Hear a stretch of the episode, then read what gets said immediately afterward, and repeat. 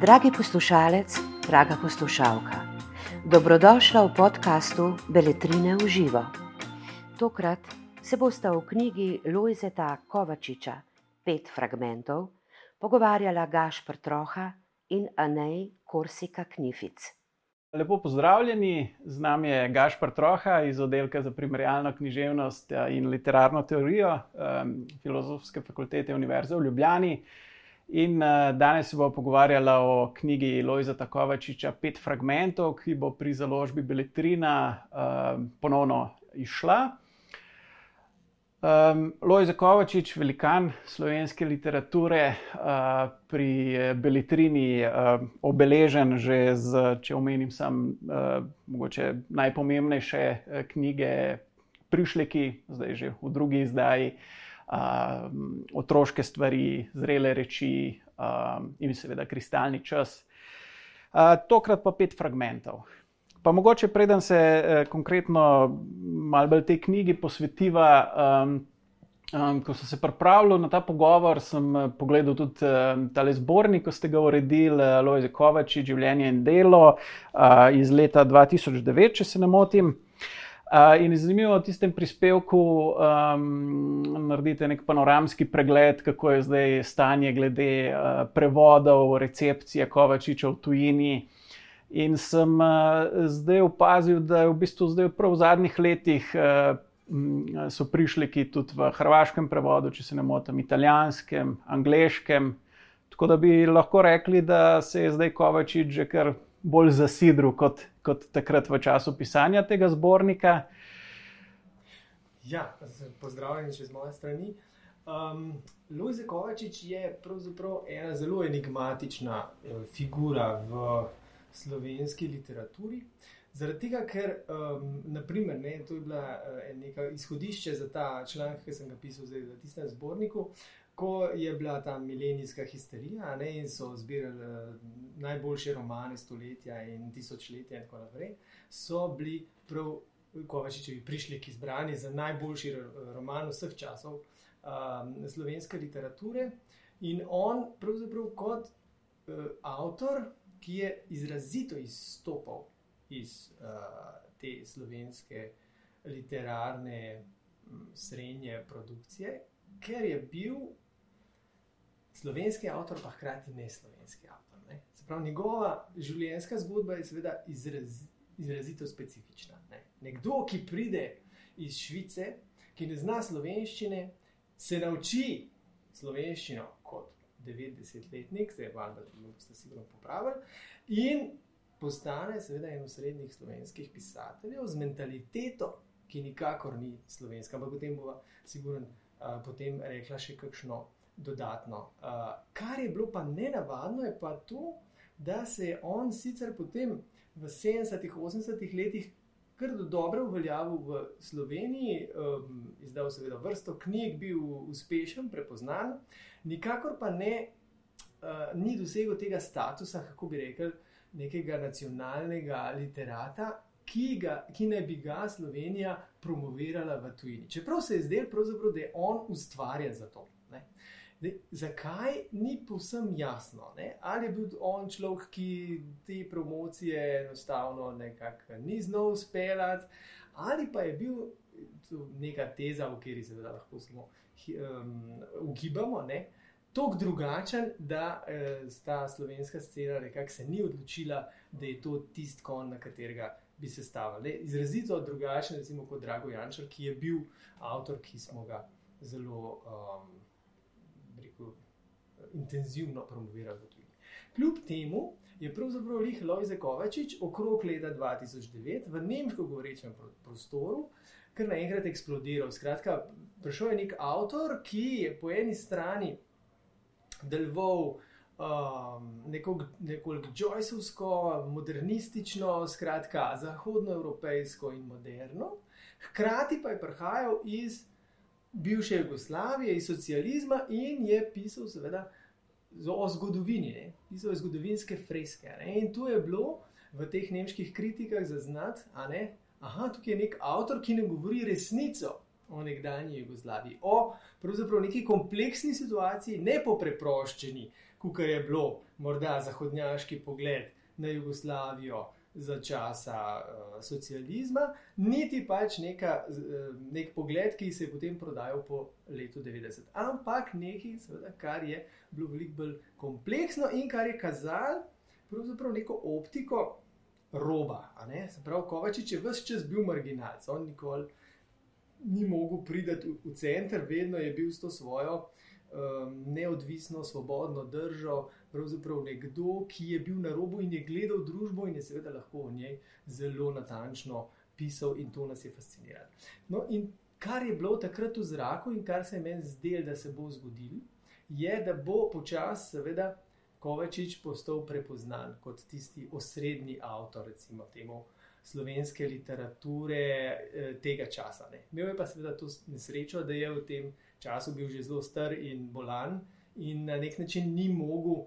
Um, Takrat, ko je prišlo do tega prepoznanja, držati korak v tem smislu samo promocije, hoje na različne literarne festivale, uh, skratka, literarne dogodke, to, kar danes dela literarne zvezde in vsta šov biznis, uh, ki se gre zraven. Tako da po eni strani seveda me veseli, ne, da, se, da se prišleki prevajajo, da se ta njegova literatura širi, ampak v bistvu je priložnost na nek način uh, zanj zamujena kot avtorja v tem smislu uh, zvezde, seveda njegova literatura pa prav gotovo uh, ostaja aktualna in je aktualna tako pri nas kot uh, v tujini.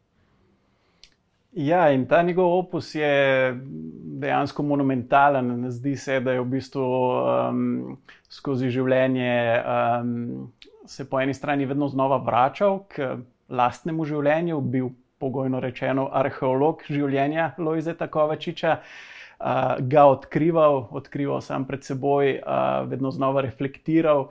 Um, in na prav nek specifičen način se je v bistvu tukaj formirala ta vez med avtorjem in delom, ker to delo je bil avtor sam, a hkrati nekako kataliziran skozi, uh, skozi ta proces pisanja, obesedevanja.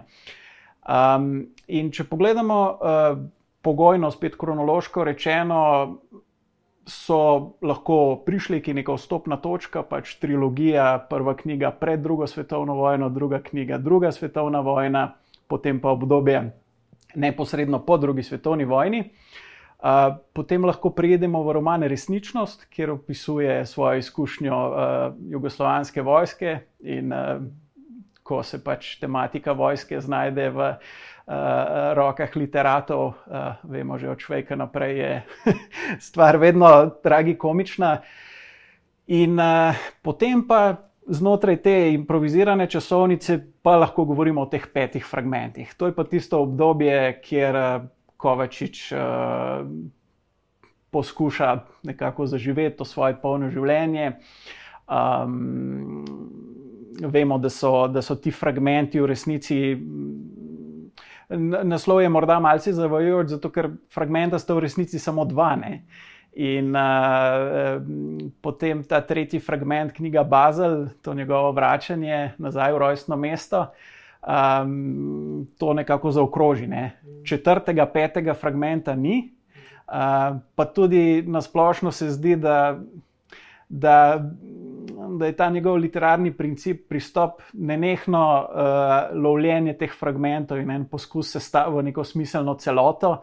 Pa se zdi, da tukaj ni bil problem v tem, da bi Kovačiču zmanjkalo časa, da, da bi bil mal, premalo plodovit avtor. Tudi če bi imel še več teh življenj, uh, celote najbrž nikoli ne bi dosegel. Ne? Ja, da ste celo vrsto istočnic. Um, če najprej v teh fragmentih. Ne? Ja, fragment je pravzaprav ustvarjalni princip Lojzeta Kovačiča. On je. Um, pisal pravzaprav kot nekakšen dedič modernizma, Joycea. To se pravi, tega pogleda, ki subjekta, ki, ki pravzaprav zgodbe ni, ni imel več kot neki zaokroženega, ampak nekaj, kar je resničnost oziroma neka fikcija, ki se vzpostavlja zgolj skozi pripovedovalca. In v primeru Kočiča, v primeru, je to avtor sam. Ne? Avtor sam, ki se obsesivno ukvarja sam s sabo, s svojim življenjem, pri čemer imamo seveda tudi te uh, neke uh, zanimive podrobnosti. Ne? On je namreč um, v tem svojem opusu opisal praktično celo svoje življenje od spočetja. Ne? On v uh, otroških rečeh začenja z, z svojimi spomini na porod. In tudi razlaga, da je pač po neuroznanosti to mogoče in kako se on tega spominja. In um, spomnim se pravzaprav tudi lastne fascinacije, pa ne samo moje, ampak številnih raziskovalcev, kako je sploh mogoče, da je nekdo tako, bi rekel, ima en stik sam s sabo, da se, spo, da se spomni takih podrobnosti. Ne? In je reč nazaj, da ima vse te spomine, da lahko to razmišlja, da lahko pravzaprav to opisuje. Zdaj, koliko je tega pravzaprav avtobiografsko definitivno? Ne? Koliko natančen je to, ta spomin in koliko je pravzaprav on iz nekih, um, rečemo temu, uh, izhodiščnih točk potem razvijal vendarle neko zgodbo, ki je bila konsistentna, ki je pač seveda izhajala iz kasnejšega obdobja, ko je on razmišljal o očetovi smrti, o seveda vseh stvarih, ki so se mu dogajale skozi prišlike, o eh, stvarih, ki so se dogajale v petih fragmentih in tako naprej.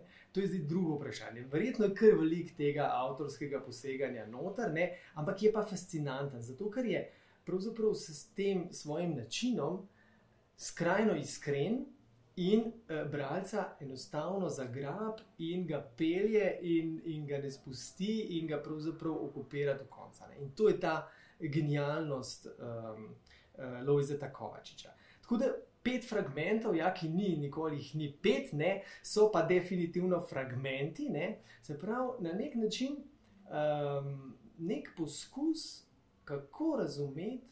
Kako razumeti življenje, kako razumeti samega sebe, odkot je prišel, do kam je prišel in kam lahko gre. Ne? In tukaj seveda se nam podpira neko, um, neko zelo široko in izredno zanimivo polje, ko začnemo govoriti o odnosu Lojzeta Kovačiča ali pa rečemo celo uh, avtorja, pripovedovalca, celo bolj ne, kot morda uh, konkretnega človeka, čeprav je uh, v resnici zelo zanimiv človek in njegovega odnosa do sveta. Ta je pa seveda um, izredno kompleksen, uh, vendar zanimivo se kaj dosti ne spremenja. Ne? Tako nekako, ko gledaš njegov celoten opus, uh, ima seveda različne modalitete, ima pa vse čas eno osnovno potezo. Saj jaz tako mislim, da rečem, da zdaj vsi delimo to mnenje. In sem, uh, kar sem razmišljal o tem najnem pogovoru, uh, se mi je zdelo, da je to ena ta ključna točka, ki jo moramo omeniti, ne? ki je pravzaprav uh, ključna tudi za današnji čas. Lojze Kovačič je bil človek, za katerega bi lahko rekel, da mu je šlo v življenju vse narobe, hkrati pa je prva in edina stvar, ne edina, ne moramo reči, ampak najpomembnejša stvar v življenju, pa mu je bila njegova osebna svoboda. In zdaj, da to malo razložim, kako to, kaj s tem mislim. Ne? Se pravi, on je človek, ki se rodi v zelo bogato, ali pa vsaj relativno bogato, um, slovensko-švicarsko družino v Bazlu. Se pravi, rodi se očetu, krznarju, ki je tako bogat, da ga švicari takrat prosijo, da bi vzel švicarsko državljanstvo in živi v nekakšni vili sred Bazla pride um, ekonomska kriza leta 1929, uh, oče uh, posoja denar za Jugoslavijo in podobno. Skratka, oni finančno popolnoma propadajo in že v Bazlu, seveda, se selijo vedno bolj revne hiše, dokler niso popolnoma oboboženi in iščejo rešitev, tako da se preselijo v Slovenijo. Se pravi, ta otrok, ki sred Bazla pravzaprav se rodi v neko bogatijo, postaje vedno bolj reven, pa vendar živi v nekem urbanem okolju, sanja o indijancih, je samo svoj, že takrat vemo, da beži iz šole in skratka raje gleda reko, kot se uči. Tako, že ima takoj probleme s sistemom, ne skozi tako je ta neka svoboda. Pride v verjetno neko vas, za katero ne vi, ne jaz, ne, ve, ne veva, kje je, tudi cegalnica, nekje na Dolenskem, pač nekaj blazno zabačenega, kjer je to je daleč od kakršnega koli življenja, ki ga je on imel v Bazlu, kjer ne zna jezika, oče se preseli v Ljubljano, on ostane sam, tam ga malo tepejo, uh, skratka, on je uh, v neki popolni stiski, ne, vržen iz tega sveta in vendarle v tej nemogoči situaciji more se zboriti za svoj obstoj, za, svojo, um, rekel, za svoj prostor tega subjekta. Ne. In tukaj se že pokaže to, ta svoboda. On enostavno si stvari vzame. On uh, gre v ta svet in se tepe in brca in tako naprej. Ne. In potem, če greva čez prišleke, seveda poznamo to njegovo zgodbo, ki je uh, grozna, ne? oče mu umre sred vojne, mama in sestre uh, so deportirane, ker so uh, nemško govoreče oziroma tako kot Nemke. Uh, on po spletu na ključi ostane v Ljubljani, ampak sam. Ne? Se pravi, sam, uh, potomc Nemcev, vsaj na pol, sicer zelo reven, kar je za ta komunizem še kar nekako bilo v redu, ne? ampak vsekakor na pol sovražni element. Ne? In on spet se znajde. Ne? Spet je pravzaprav on v tej sirotišnici, ne v Alizijanumu, pravzaprav tisti, ki beži, ki si jemlje to svobodo, ki opazuje seks, eh, in skratka odkriva svojo seksualnost in tako naprej. Dokler ga ne pohopsajo in peljejo v Jolare. Seveda, spet situacija, ki je za njega nemogoča. Ne? In ta znani prizor, ne? ko on, eh, kot mislim, da je tam desetnik, skratka, odpele svoj vod od kotla, kjer morajo jesti ljuto papriko v Makedoniji, kjer je 40 stopinj, to je približno tako kot uh, zdaj, tukaj v Ljubljani. Ne. Se pravi, spet ne, v nekem okolju, ki je blazno strukturirano, on naredi nekaj popolnoma norgane. Se pravi, on uveljavlja svojo svobodo, ne glede na posledice. Posledice so seveda katastrofalne, da on mora tam čistiti stare granate, vsake to časa, ko ga raznese, njega ne, pride nazaj v Ljubljano in je pravzaprav klošar sreča, zdaj spet življenje mu pa ponuja pravzaprav vse čas neke rešitve, ne sreča, bivšo partizanko, se z njo poroči in začne neko življenje, in si reče, da je v redu, zdaj nekako se uredil, ne? in smo pri petih fragmentih, kjer on pa seveda že v pionirskem domu uh, uči uh, ljudke, skratka, nekako se je formiral. In zdaj pa tukaj ta istočnica, ki ste jo prej rekli, ne zdi se, da bi imel premalo časa, ne? ker je pisal dolge knjige, pa vendar je pisal fragmentarno. To sicer ni čist res, ker on sam govori, ne, da je imel absolutno premalo časa ne, je vstajal ob 4 zjutraj in je 3 ure pisal, in potem je šel v službo in je rihtal familijo, in potem zvemo še marsikaj drugega. Um, in zvečer spet v poznih večernih urah pisal in tudi govori o tem, ne, kako je pravzaprav lovil roke, ne, predvsem o, uh, mislim, da o uh, prišlikih govori, ne, da je uh, skratka, uh, moral napisati prišleke dovolj hiter, ker je imel kredit za stanovanje in ga je potem z drugo knjigo odplačal. Tako, tako da to je zelo zanimivo, ampak zdaj ta. Um, Spomnim se, da sem to prebiral, ne, pa se mi je zdelo, da okay, je po vseh teh groznih kolobocijah zdaj njemu približen rata. Ne, On uh, ima službo, ima, ima dva otroka, dva sinova, ima to ženo, nekako stanovanje dobijo, ne znam, kako se postavijo. In potem to bereš, ne, in ne, ne. lojze je lojze. Ne. On ima potem tri ženske hkrati. Prav, žena mu umira, on hodi k njej v bolnico in jo tam neguje, hkrati ima prvo ljubico in potem še eno srečo, ne, in tako naprej.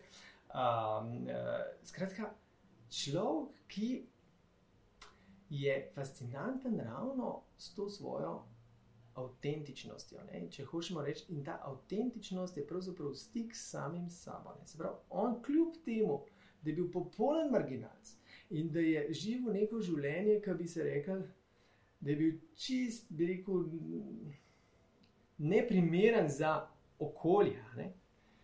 pa vendar on se je postajal zvest.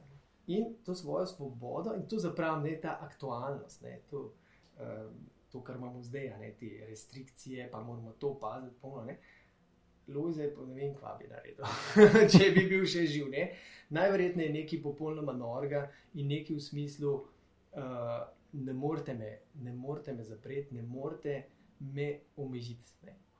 Ta njegov libido, ta njegov, njegova svoboda, ta njegova, um, samo, niti ne samo volja, ampak um, enostavno kako se reče, uniqueness, ne, se pravi edinstvenost, ne, je bila tukaj uh, brezpogojna. In on je ravno zaradi tega se spuščal v stvari, ki se nam mogoče zdijo na prvi pogled z družbenega stališča tako rahlo sporne. Ne.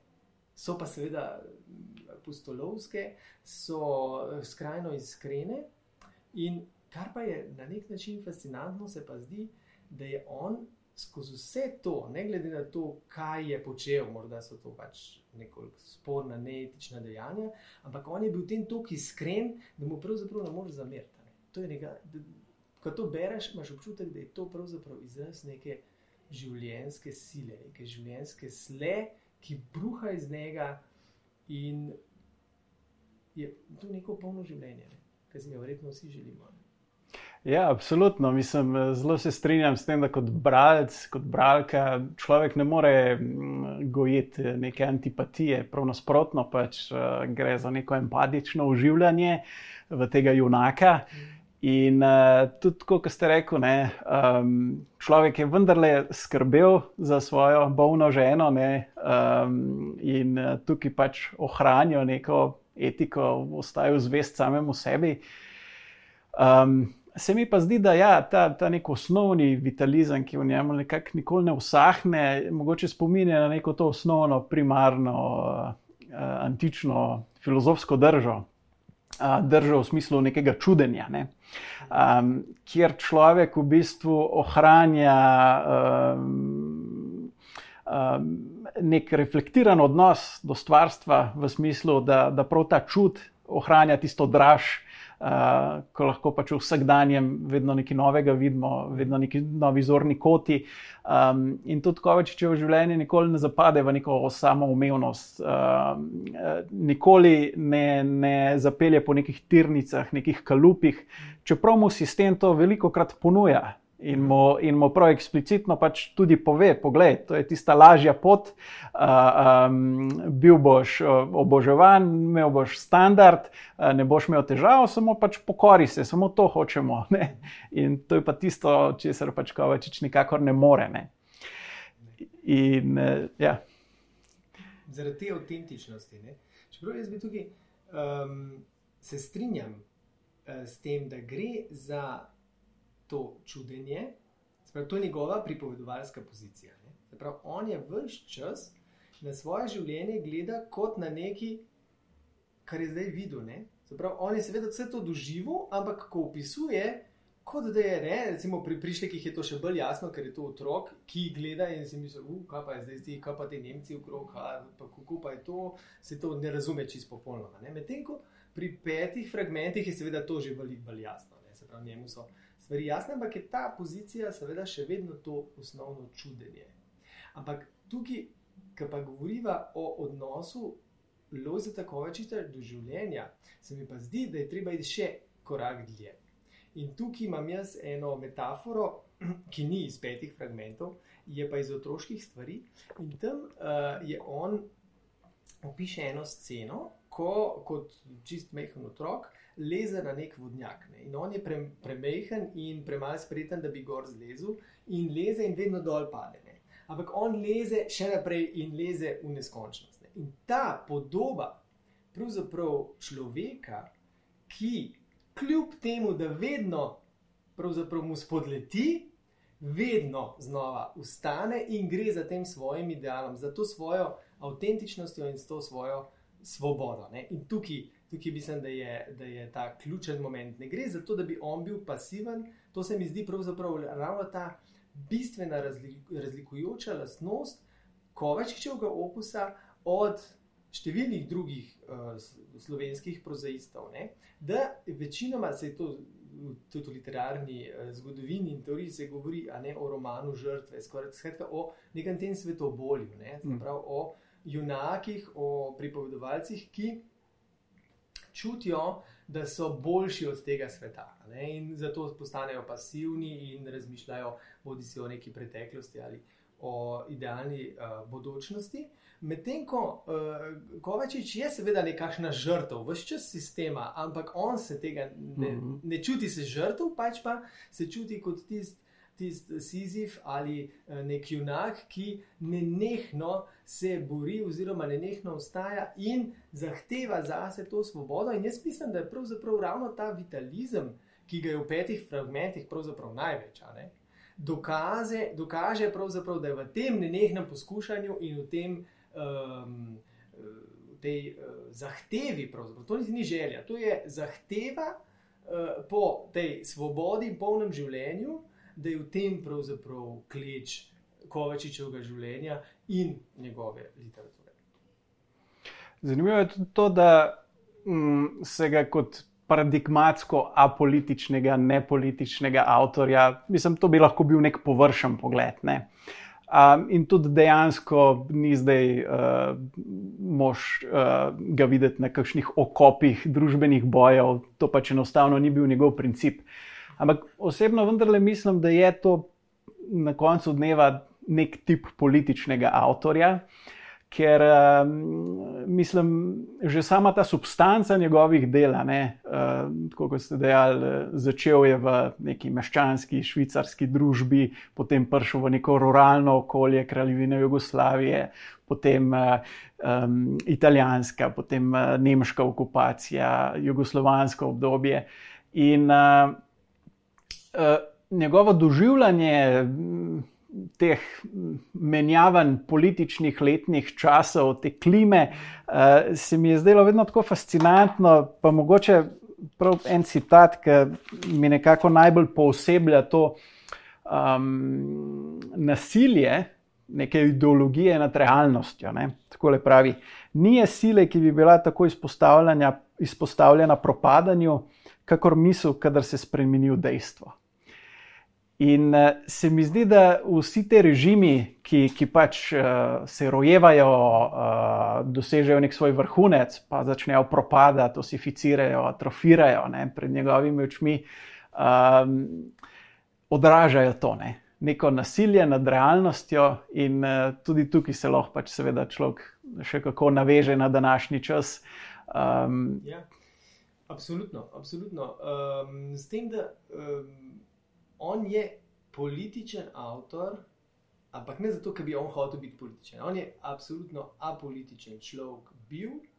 Sprav, pet fragmentov je absolutno neka knjiga, ki govori samo o njegovih intimnih stvarih. Seveda pa na ozadju tega njegovega življenja so pa številni politični sistemi. In politični sistem že v osnovi, seveda, hoče človeka omejiti. In on s tem svojim vitalizmom to vedno sesuje. Še več, on pravzaprav pokaže, hkrati, pravi, eno je to, da sistem sam ne funkcionira proti posamezniku, posebej pa zdi, da je še druga stvar, ki je na nek način morda politična v njegovih a, delih, to je pa vprašanje deziluzije. Ne? Se pravi, pri njemu veš vedno ta. Um, Cikl, pravzaprav neke podobe, ki se gradi, ne, ne bo to družina, in hkrati že propada. Ne? Tako kot je rekel, ta misel, ki postane dejstvo, je takoj po. Ne? In ta ideja, ki potem v realnosti vedno se pokaže kot nekaj nasprotnega, je pa politično dejstvo. Ne?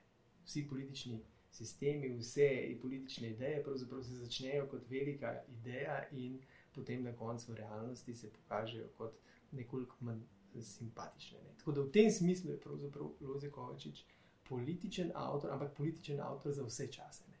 Se pravi, tisti avtor, ki uh, proti sistemu, proti kakršnem koli ukalupljanju postavlja posameznika, njegovo svobodo, njegovo avtentičnost. Mogoče tudi tako zanimiv biografski detalj, da je um, mogoče to njegovo življenje se je zaokrožilo. Ne, uh, umrl je 1. maja 2004, ravno na dan vstopa Slovenije v Evropsko unijo. In uh, mogoče ta simbolni eksodus iz Evrope se potem nekako strne z vrnitvijo v Evropo. Če smo v paradigmi, da, da nekaj je Evropa, nekaj ni, ne? kar, kar mislim, seveda, ja. da je treba biti zadržan do tega, ampak eh, vendarle ne. Tukaj smo zelo na tankem ledu uh, mi raziskovalci smo imeli, pa bom govoril za sebe, skozi smo uh, na nek način čakali to, ta krok. Um, najprej smo ga videli v Bazlu, ne, ko se on vrača, ampak ta vrnitev pravzaprav ni, ni, ni pojasnjena celote. Potem smo čakali to v otroških stvarih kot neko izhodišče, ne, ki bi nam razložilo celoten opus. Ne. In spet ni bilo tega, Sprav, še vedno je to fragment, še, seveda smo dobili neke vzorce, ampak tukaj ni zaokroženosti. In v zrelih rečeh, polke so bile seveda posthumno izdane iz njegovih zapiskov, ravno tako, pravzaprav se mi zdi, da Kovačič um, lahko, seveda, iz same iz, iz svetovnega dogajanja skušamo neke kroge potegati, ampak mislim, da je on avtor, ki, uh, kot smo rekli, ga se ga ne da ukalupati in vsak tak krog bi podaril že takoj na začetku. Absolutno. Um, in morda je tudi to uh, neka priložnost, da zaokrožimo, sklenemo našo razpravo povabimo k branju petih fragmentov, drugih fragmentov, um, vseh knjig, uh, ki nas bojo še naprej navdihovali. In uh, um, uh, pač lahko iz njih črpamo uh, tudi za naše vsakdanje skrbi. Najlepša hvala za vašo pozornost. Za več knjižnih vsebin vas vabimo na www.beletrina.com in v našo knjigarno na Starem trgu 3 v Ljubljani.